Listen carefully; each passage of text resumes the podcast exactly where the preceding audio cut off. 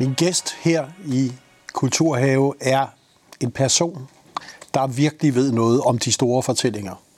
Der ved noget om de store myter, de store forfattere, der har dannet og præget Danmark og hele vores kulturarv. Og derfor er det en særlig glæde at byde alle seerne velkommen til et møde med denne person.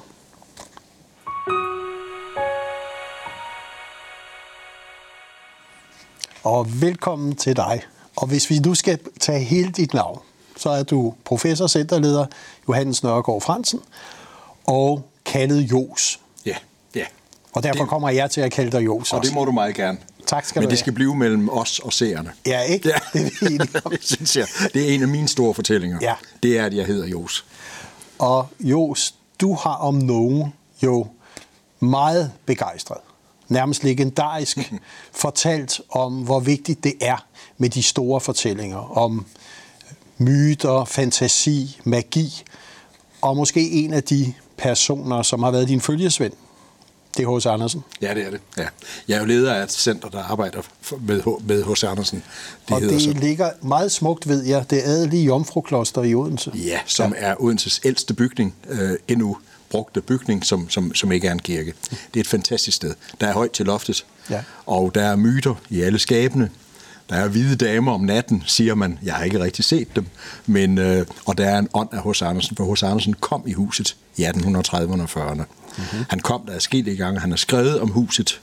Øh, dette mærkelige hus med dets takkede gavle, når man kom sydfra, så så han huset og besøgte Jomfru Slæbegræl inde i huset. Så det er virkelig et hus med store, lange historier og fortællinger. Og der er du centerleder, og der, hvad gør man der? Forsker? Vi forsker. Vi Ja. ja. forsker. Vi er i øjeblikket ans- 13 ansatte på, på centret, og vi forsker i H.C. Andersens litteratur naturligvis. I ham som ikon i verden, altså hans betydning ude i verden. Det kalder vi kortlægning af H.C. Andersen. Vi har lavet en analyse af H.C. Andersen i Italien, en af Portugal. Vi har lavet en analyse af H.C. Andersen i Rusland, og den første, vi lavede, det var hos Andersen i Kina. Fordi det, vi gerne vil vise, det er, eller det, vi gerne vil, vil demonstrere, det er, at hos Andersen er ikke bare hos Andersen. Der er jo en dansk hos Andersen, det er klart. Han er en så central del af vores kulturarv. Men der er også en kinesisk hos Andersen, som faktisk er en central del af kinesisk kulturarv. Og der er en russisk hos Andersen, der er en central del af russisk kulturarv. Det er naturligvis den samme mand, det er klart. Det er de samme eventyr, det er de samme fortællinger, det er det samme fortælling om at blive menneske, som jo er det, hos Andersen kan og kunne. Øh, Men, men han tolkes på forskellige vis. Og det synes jeg er vigtigt for os at vide, at den, den store fortælling, der er vores, det er også en global fortælling. Det er også en international fortælling. Og så synes jeg, det er så vigtigt at sige, men den er altså også dansk. Den er faktisk tænkt i Odense og København og så videre. I Og- hos Andersens hoved. Og det, at H.C. Andersen, som jo mange danskere nok har et lidt ambivalent forhold, hvis jeg nu skal sige det liv. Øh, på den ene side, han er dejlig for børnene, Ja. eventyr, og så er det ligesom som voksen, Ja så mister vi interessen. Ja, og det er jo fordi, vi ikke læser ham godt nok. Og det er jo det, vi, jeg og mit center arbejder benhårdt på. Det er jo at sige, at H.C. Andersen er for børn, men han er sandelig ikke kun for børn. Og går man ud til Kina for eksempel, så vil man opdage, at der læser man ham godt nok som børne, børnefortæller, men sandelig også som fortæller for unge mennesker, fortæller for voksne mennesker, fortæller for ældre mennesker. Fordi hos Andersen, det man skal have med, det er, at han er ikke hygge for børn. Det er han også, men det er han bestemt ikke kun. Der er jo de mørke sider. Der er jo hele ironien hos ham. Men der er også tematiseringen af det sorte, af det mørke. Og i enhver stor fortælling, der er det hele, fordi du skal have hele livet med. Det er det, hos Andersen kan. Hans fortællinger rummer mørket, det rummer, det rummer skæbner, det rummer det hele. Han er morsom. Uh, han er også langt morsommere, end mange danskere egentlig er helt klar over. Altså en indledning, som der var så dejligt ude på landet. Korn stod gult, høet stod i stak, og nede i engen, der gik storken og talte egyptisk. Til det sprog han lært af sin mor. Det er jo en dejlig indledning. Vi tænker, ja, men der er jo dejligt ude på landet. Men historien handler jo om, at der bestemt ikke er dejligt ude på landet. Der er faktisk, hvis jeg må bande af helvede til. Den der, det der stakkels kreatur, øh, som kaldes den grimme ælling, ved jo ikke, hvem den selv er. Den ved ikke, hvad den er. Den ved ikke, hvor den er. Den er fejlanbragt. Den er blevet anbragt af en eller anden forvildet svane, eller hvad det nu er. Det er det jo, der har smidt ægget fra sig. Måske er det en faderskabssag, der, der, der var under opsejling. Den ligger der i, i, i, i Anne, Annemors rede. og klækker og ved ikke, hvem den er. Hvis der er noget, der er et stort tema i dag, så er det mennesker, der ikke ved, hvem de er og hvorfor de er der, hvor de er. Altså som har tabt overblikket. Og det er jo den historie. Og den fortvivlede forsøger at komme ud og komme i kontakt med sig selv og verden. Den her grimme ælling, som jo ikke er en ælling. Den ved ikke, hvad den er. Indtil den året efter lægger sig i virkeligheden til at dø. For på, på søen, der ligger den sig ned og siger, de to smukke hvide fugle, de skal dræbe mig. Og så lægger den sin hals ned, så de kan komme til at hugge den ihjel. Og lige i det øjeblik, den gør det, der ser den sig selv. Den ser, at den er en svane. Hos H.C. Andersen er den symbolske død, overgangen, brudet, altid det sted, man skal være opmærksom på. Og det er i den historie om en grim der er det brudet. Det er lige der, den dør symbolsk og genopstår, genopstår som en smuk svane. Det er et rigtigt motiv hos H.C. Andersen. Og det læser alt for mange, specielt danskere, henover og ser, hvad han egentlig kan hvad han egentlig kan med identitet, hvad han egentlig kan af store fortællinger, som handler om at blive menneske. Den lille havfrue er jo en af verdens bedste historier, når det gælder at skildre betingelserne og omkostningerne ved at blive menneske. Der er altid omkostninger i H.C. Andersens historie. Det er ikke bare livet af landevej, nej, der er omkostning. Hvad koster det? Jo, den lille havfrue, det koster hende tungen, hun kan ikke synge længere. Det koster hende hendes smukke hale, som bliver sagt, at det er oceanernes smukkeste hale. Men det koster havfruen halen. Og til gengæld så får hun noget, som hendes bedstemor kalder et par grimme stolper som menneskene kalder ben, men de har heller ikke forstand på, på skønhed, og det er der jo noget om. Så får hun de her forfærdelige ben, og hver gang hun tager et skridt, så er det som 10.000 nåle trænger igennem hende. Det er omkostningen ved at blive menneske. Det er omkostningen ved at nå frem til det, hun skal nå frem til. At blive elsket mere, end hun elsker sig selv af en anden. Og det er jo prinsen, der skal elske hende, men det lykkes jo ikke. Og det vil sige, at, at det, du egentlig kan vi sige, nu arbejder på, og hele dit, dit center, det er egentlig at få os danskere til at læse Andersen rigtigt. Det. Og forstå, at han faktisk har måske en central plads i dag i vores kulturliv ja. og i vores, skal vi sige, daglige liv. Ja, og i vores, og, og i vores danskhed. Ja. At I det, at vi, vi er danskere, og hvad er, det, vi, hvad er det, vi bygger på? Ja, det er det helt centrale, vi arbejder med. Ikke for, at vi sådan skal rende rundt og sige, hvor er vi danske, men fordi vi skal forstå, at vi vi hviler på en historie. Vi er en del af en historie, og det er en kompleks historie. Ja. Jeg tænker, der er jo mange aktiviteter i gang i Odense. Uh, en af dem er jo, at man bygger et fantastisk nyt museum, der skal åbne, jeg tror det er i 21. 21, ja. Som ligesom skal også genfortolke og i det hele taget måske også overraske mange, der troede, de kendte Andersen. Uh, ser du, at der måske er en mulighed for, at der kommer en ny fortælling om Andersen øh, også for os danskere, at vi måske kan genopfinde ham igen? Ja, det tror jeg. Og det arbejder vi benhårdt på. Jo sammen med museet, som jo bygger det nye hus, som stjernearkitekten Kengo Kuma jo har tegnet, og det bliver et fantastisk hus. Ja, vi arbejder jo sammen med museet om at få lov til at præge, altså netop fortælle den der historie. Fordi hos Andersen fortalte en stor historie i guldalderen i ja, i 1800-tallet i romantikken, men han fortæller den jo stadigvæk. Den historie er jo lige så aktuel. Det at blive menneske, omkostningerne ved at blive menneske, betingelserne for at blive et menneske, er jo stadigvæk aktuelt. Hos Hansen sagde jo det, ved de fleste, at rejse er at leve. Og at rejse er at leve betyder ikke, at det er vel nok fedt at tage til København, eller det er godt at komme til Mallorca en tur. Det, det betyder derimod, at betingelsen for at leve, det er at bevæge sig.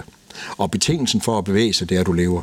Så at rejse er at leve, det er livet selv. Og på den rejse, den store fortælling, som rejsen jo er, øh, der bevæger du dig igennem skygge, og du bevæger dig igennem lys. Og det, du skal nå frem til, det er at forene lys og mørke. Det handler i en vis forstand hele hos Andersens forfatterskab om. Han var jo selv et menneske, der vidste, at han stod udenfor, og havde svært ved at komme ind på midtbanen, vil man sige i dag, øh, på livet. Det kom han i kraft af sit, af sit forfatterskab, af sin kunst. Og så tænker jeg på næste år. Øh, der har vi jo en anden meget, meget berømt dansker, yeah. der fylder rundt. Yeah. Som også har en, skal vi sige, meget tæt forbindelse til Andersen. Det er fuldstændig rigtigt, og han hedder oven i købet også Hans Christian. Ja, det er jo det. H.C. Ørsted, ja. som jo blev født og vokset op i, i Rudkøbing på Langeland. Det, det vi fejrer til næste år, det er jo, at han, han beskrev eller opfandt, eller hvordan vi nu siger, elektromagnetismen. Og ved siden af dampmaskinen, så er elektromagnetismen jo det største drivmiddel, øh, menneske, menneskeheden nogensinde har tæmmet, hvis man kan sige det sådan.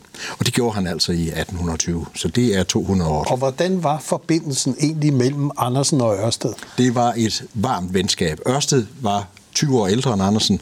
Andersen kom hos ham, var meget fascineret over manden Ørsted, der jo var et, jeg har nær sagt, et renaissance-menneske, der vidste alt. Han, han, han skrev, han, øh, arbejde, han var jo pro, øh, fysikprofessor ved Københavns Universitet, og det er jo som fysiker, vi kender ham. Men han kunne så meget andet. Og det han egentlig ledte efter, da han faktisk fandt elektromagnetismen ved at arbejde med nogle magneter, og det har jeg ikke forstand på, men det var det, han gjorde. Det var i virkeligheden ånden. Han ledte efter ånden, ligesom hos Andersen ledte efter ånden i materien så ledte de egentlig begge to i en vis forstand om det, efter det samme. Og der sker jo det fantastiske, at da hos Andersen havde skrevet sine første 5-7 af det, han kaldte sine små historier, det der bliver til eventyrene, øh, der var han allerede kendt som romanforfatter, som skuespilforfatter, som, som, som digter. Og det sender han faktisk de første, øh, de første fem eventyr. Det er blandt andet Fyrtøjet, og det er Kejserens Ny Klæder, det er Lille Claus og Store Claus, til Heiberg, der er den store, vi kan godt kalde ham smagsdommer i tiden, der blandt andet anbefaler for kongen, hvad kongen har godt af at læse. Og Heiberg er betænkelig ved de her historier, for han siger, jamen Andersen, det er jo ikke en genre. De findes jo ikke, de her historier. Og Andersen bliver ked af det, så læser Ørsted dem, som er hans ja, 20 år ældre øh, gode mand der. Og Ørsted siger, Andersen, deres romaner, deres, øh, deres digte, deres skuespil vil gøre dem verdensberømt. Men de her små historier, de vil gøre dem udødelige. Og for det, det er fysikprofessoren, der siger det. Og Andersen siger faktisk senere, at de, elektromagnetismen, kære Ørsted, den vil gøre dem udødelige. Han er en af de første, der ser, der ser storheden i elektromagnetismen. Hos Andersen var jo dybt optaget af teknologi og af tekniske landvindinger. Han var dybt fascineret over, hvad, hvad teknik kunne. Øh, han har i en lille historie, der hedder om årtusinder, som, som jeg tror blev skrevet i 1855, øh, den, den, der fortæller han historien om, hvordan de unge fra den nye verden, unge amerikanere, kommer flyvende ind til Europa i store glinsende maskiner, der bevæger sig med lydens hastighed. De rejser fra England til Frankrig igennem øh, tunnelen under kanalen altså. og så rejser de i øvrigt verden rundt. Og de slutter, det slutter den her lille korte historie, som er på to sider eller sådan noget, den slutter med, at en senere forfatter vil skrive bogen Europa på otte dage. Så han forudser i virkeligheden masseturismen. Og, og, og det gør han gennem den der teknikfascination. Han har et andet sted i en historie, der hedder Lykkens Kalosker. Der har han en skildring af en vægter, der tager nogle galosjer, altså overtrækssko på. Når man har dem på, så kan man ønske, og så går det i opfyldelse med det samme. Han ryger til månen, den her vægter. Og deroppe, der går han rundt og reflekterer over, at det er som at gå i nyfaldens sne. Øh, og det sagde Buzz Aldrin jo også 140 år senere, da han faktisk er gået på månen. Så der er en utrolig sådan anticipation, der er en utrolig forud, forudsigelse i Andersens fantastiske univers. Og hvis vi nu ligesom siger, det du fortæller, som jeg tror mange af seerne måske ikke vidste, nemlig Andersens teknologiske fascination og forståelse, måske også af det, den tid, der skulle komme, Ørsteds forståelse af, hvad eventyrene egentlig var. Det var guldalderen. Var guldalderen, ja. Godt. ja. Er der behov, efter din mening, for, at videnskabsfolk, kunstnere, forfattere, politikere, de kunne mødes på en helt anden måde, som vi så det i guldalderen? Ja. Det var det, de gjorde i guldalderen, og, og, og det har vi i den grad behov for. Altså, der er mange politikere, der har det med at sige, øh, at vi skal skille tingene, at det er rigtig vigtigt, du har meget fysik, og så skal du have endnu mere fysik. Eller de der sådan humanister og poeter derovre, de, de er knap så nyttige og den slags. Pointen er jo lige præcis, at en stor fortælling kun kan skabes i mødet. Kun kan skabes i mødet mellem det, vi kalder det tekniske, og det, vi kalder det poetiske øh, kulturelle. Hvis de to ting griber hinanden, sådan har det været i hele verdenshistorien, så flytter vi faktisk verden sammen. Og tendensen nu, den er, at vi skiller tingene ad. Jeg vil godt nævne en anden, øh, som er lige midt imellem en, en, en efter min begreb af stor forfatter, som faktisk gør præcis det her. Og det, det er Jeppe Aukær. Jeppe Aukær hører jo til en tid lige efter 1864, hvor Danmark havde været virkelig på knæ. Og sammen med Johannes V. Jensen, Marie Brendal, Skjoldborg, Tøger Larsen og andre, genopfinder de, så at sige, øh, blandt andet sangen Øh, det er jo den, vi kender fra højskolesangbogen i dag. Øh, og, og, og for Jeppe Aukær, der hænger naturen, der hænger naturen sammen med, med de gamle fællesskaber. Så han skildrer, eller han skriver hele sit forfatterskab i forsøget på at få fat i den store historie, som han ser knække i sin samtid. Jeppe Aukær lever jo i en tid, han levede i 13 år i København, hvor det bullerede afsted, hvor alle mulige ismer slås med hinanden, socialisme og, og liberalisme og shortisme og alle mulige ismer, brandesianisme osv. Så, videre. så det er København, der er under etablering som industriby. Der lever han altså i, i, hen imod 13 år. Og så tager han hjem, og så rekonstruerer han den myte, som han selv synes, han husker. Og det er de store fortællinger ud fra de mærkelige mennesker, han kendte fra heden og hedeegnene.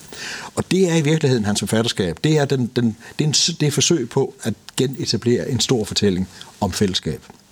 Derfor er Jeppe Aukær dybt religiøs i sin tilgang. Øh, se, far han ligger vesten og ser sig indadvendt, og så videre. Der er hele den her fantastiske skildring af folk, der lever i en traditionsverden, der lever i en, med en tro, øh, og som er forankret i naturen. Øh, det kan kolde hjerner ej forstå. Jeg er lærkesangen på et strå. Det er fra jeg og havren. Ikke? Og de kolde hjerner, det var de, der ville forandre Danmark hele tiden og, og, og, og ville industrialisere hedeselskabet, som han ikke brød sig om. Øh, nogle af andelsfyrsterne, der jo knaldede afsted og ødelagde landskaberne efter Evokers øh, mening. Det kan kolde hjerner ej forstå. Hvad er det, de ikke kan forstå? Jo, det er, at jeg, det er havren, der taler, jeg er lærkesangen på et strå. Det er jo et fantastisk billede. Fordi strået, det er det, det, det, det, det, det, det gror. Og lærkesangen, det er, det er den lille proletar, der flyver rundt og synger, nemlig, nemlig lærken. Lærkesangen på et strå, det er et fantastisk billede. Det er en stor fortælling. Det er den store fortælling, jeg kan jeg prøve at skabe, øh, eller, eller skaber. Det er, vi er vi er en del af vores egen, vi, er for, vi har forudsætninger, og de forudsætninger, det er naturen, det er fællesskabet, det er arbejdet, det er familien, det er, det er sproget. Og disse store fortællinger, øh, hvor var det kæden hoppet af? Hvor var det, at de ligesom ikke kom mere? Mm.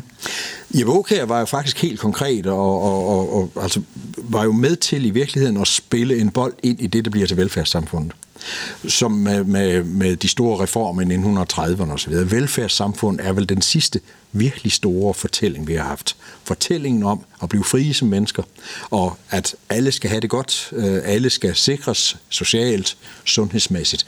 Det er en fantastisk historie som jo blev fortalt op igennem 40'erne og 50'erne især, og som vel på en eller anden måde folder sig ud i løbet af 1960'erne som en forestilling om, om at nu har vi overvundet alle problemer, nu er vi fremme. Det, der så viser sig, det er, det havde vi altså ikke alligevel. Øh, fordi pludselig så der er, er, er, er en økonomi, der ikke kan bære det. Der opstår modsætninger mellem befolkningsgrupper, øh, og øh, når, når kryben er tom, så bides hestene. Og 1970'erne, 80'erne og 90'erne er i virkeligheden opløsning af de store fortællinger. Øh, og, og hvad går der galt? Ja, der går det galt, at der går materialisme i tingene. Altså pludselig så bliver det at have to biler vigtigere end, end at være menneske. Mm. altså det at bygge sig et parcelhus på 140 kvadratmeter, det er vigtigere end at være menneske i et konkret fællesskab. Vi bryder også op rent socialt og geografisk, øh, fordi hele altså landbruget øh, mister mister indflydelse osv. Så, videre. så vi får en bevægelighed, nomader, der, der, der flytter ud i forstederne osv. Vi begynder forfra på den bare magt, som Tage Sko Hansen engang sagde. Øh, og der skal nye fortællinger til, og det er der kommet, men de er ikke store. De er tværtimod små udtryk, for eksempel i sociale medier. Det er jo ekstremt små fortællinger, der hele tiden modsiger hinanden. Så den der store fortælling om, vi er som folk på vej et sted hen, den er sprængt i stumper og stykker. Så det du egentlig siger, det er, at, at det fantastiske videnssamfund, teknologi, der forbinder os, ja. hvor vi troede, at nettet, sociale medier ville være der, hvor vi blev forenet, det faktisk har splittet os også ja. i millioner af små historier. Lige præcis. Ja, hvor, ja. Hvor, ja, hvor der ikke er nogen store. Hvor der ikke er en stor fortælling. Ja, ja. Og den store fortælling, den bliver vi nødt til, og det tror jeg også mange synes, den bliver vi nødt til at om ikke genopfinde, så i hvert fald begynde at fortælle igen. Og det er måske det, klimaudfordringen kan, kan lære os. Faktisk er der nogle, synes jeg, nogle tendenser til, at vi begynder faktisk at fortælle en stor, fordi nu er det gået op for os, det er faktisk alvor. Mm. Vi kan faktisk ikke leve hver for sig. Vi er ikke hver vores lykkes med alle sammen. Vi er altså nødt til at stå sammen om at bygge et dige, eller altså, som billedet talt. Ja. Vi er nødt til at være et folk og, og mennesker lokalt, øh, nationalt, i verden, europæer, som står sammen om den her udfordring, der er så enorm. Vi ved, at vi er forbundet med den brasilianske jungle, eller Amazonas. Vi er faktisk forbundet. Hvis den brænder, så har vi også et problem, for vand stiger også her. Så der kommer en ny, der kommer redskaberne til en ny fortælling, vil jeg sige. Og man ser også kunsten reagere. Man ser også litteraturen tage de her historier op. Der er en masse unge, fremragende forfattere, der har fat på den her historie. Om, ja, som skriver sig ind i den her store fortælling om, at vil vi overleve som mennesker, så er det altså nu. Jeg tænkte også på, at det er jo dejligt at høre dig være optimist. Der er jo nok, der er det modsatte. Men de her store fortællinger, hvis vi nu siger, at det bliver miljø og klima, der får os til måske at gå sammen om dem, er det nogen, du ser kan fortælles af andre end kunsten, forfatterne, som altid har været dem, der mm. skulle fortælle de store mm. fortællinger. Er de stadigvæk dem, der kommer til at fortælle dem? De kommer til at fortælle dem, men der skulle gerne være flere. Altså, vi havde jo engang en stor agent, det var Sovnekirken. Det var kirken i sovn. Den har jo ikke den samme betydning mere. Så vi må genopfinde sovn, tænker jeg. altså ikke som det sovn måske, men som på en anden måde, der hvor vi kan mødes og bringe os videre. Og der har uddannelsessektoren, efter mine begreber, et kæmpe ansvar. Også at være med til at forny en dannelse. Mm. En dannelse, som ikke er noget udvendigt noget med, har du, har du læst den og den. Nej, men som faktisk er troen på noget. For dannelse, det er jo i virkeligheden troen på noget, som man også skal håndtere. Og det bliver vi nødt til at genopfinde. Det er sindssygt vigtigt. Og i den er der teknologi, i den er der økonomi, men der er navnlig det at vide, hvad man er som menneske. Og, og hvordan man er over for mennesker.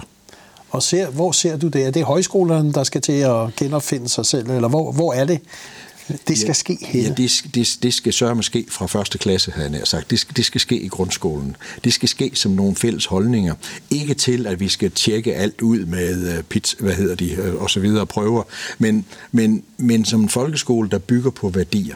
På værdier, børn og unge mennesker kan genkende. Folkeskolen, grundskolen, gymnasiet, mange skoleformer har forladt værdier de der dybe værdier. Ikke? Der er ikke noget galt med de skoler, men de bygger ikke længere på, på den værdi, som vi andre, da jeg gik i skole, der var der for eksempel en værdi, der hed, vi sang morgensang. Altså, vi, vi blev kastet ind i en danseskanon, der i dag ville være håbløst gammeldags, men den var der, vi havde noget at forholde os til. Jeg mener, at hele uddannelsessektoren skal tænke sig ind i, i et forsøg på at genopfinde værdier. Så det er ikke kun kunsten. Kunsten kan ikke gøre det her alene. Det er mange steder, og jeg synes medierne, de store medier, de store landsdækkende medier for eksempel, har et kæmpe ansvar. Også for at, øh, at, at, at forstå, at historier hænger sammen med noget andet. Det er for eksempel en fremragende idé at lave udsendelser, hvor man kan tale sammen. det synes jeg faktisk, det er faktisk godt tv. Øh, I stedet for at tro, at man kan forklare finansloven på, på, på 35 sekunder, for det er der jo altså ikke nogen, der kan. Jeg tænkte på, Jos, Øh, der er en lille udfordring, når vi siger kulturarv. Øh, nemlig, skal vi bevare den? Er den vigtig at bevare? Jeg ved, du kæmper også en kamp omkring H.C. Andersen, øh, om bevarelse af noget af det, som jeg synes, du bare lige skal nævne, og lige sætte dine ord på, hvorfor er kulturarv vigtig mm. for den digitale fremtid, vi snakker ja. Jeg har lyst til lige kort at sige, jeg vil okay, lige at tage den anden af mine helte der, øh, siger, siger et sted, at for at blive et frit menneske, så skal du kende din tradition. For hvis ikke du går i fodskridt, eller i trin, ja, i skridt, du kender, så kan du ikke kende dig selv. Det mente hos Andersen faktisk også, han sagde det bare på en anden måde, men at du skal kende din fortid, du skal kende de fodskridt, du går i, øh, for ellers så kender du ikke dig selv. Du skal vide, hvad vej du er. Det kan godt være, at det er en forkert vej, men så skal du vide, at den er forkert.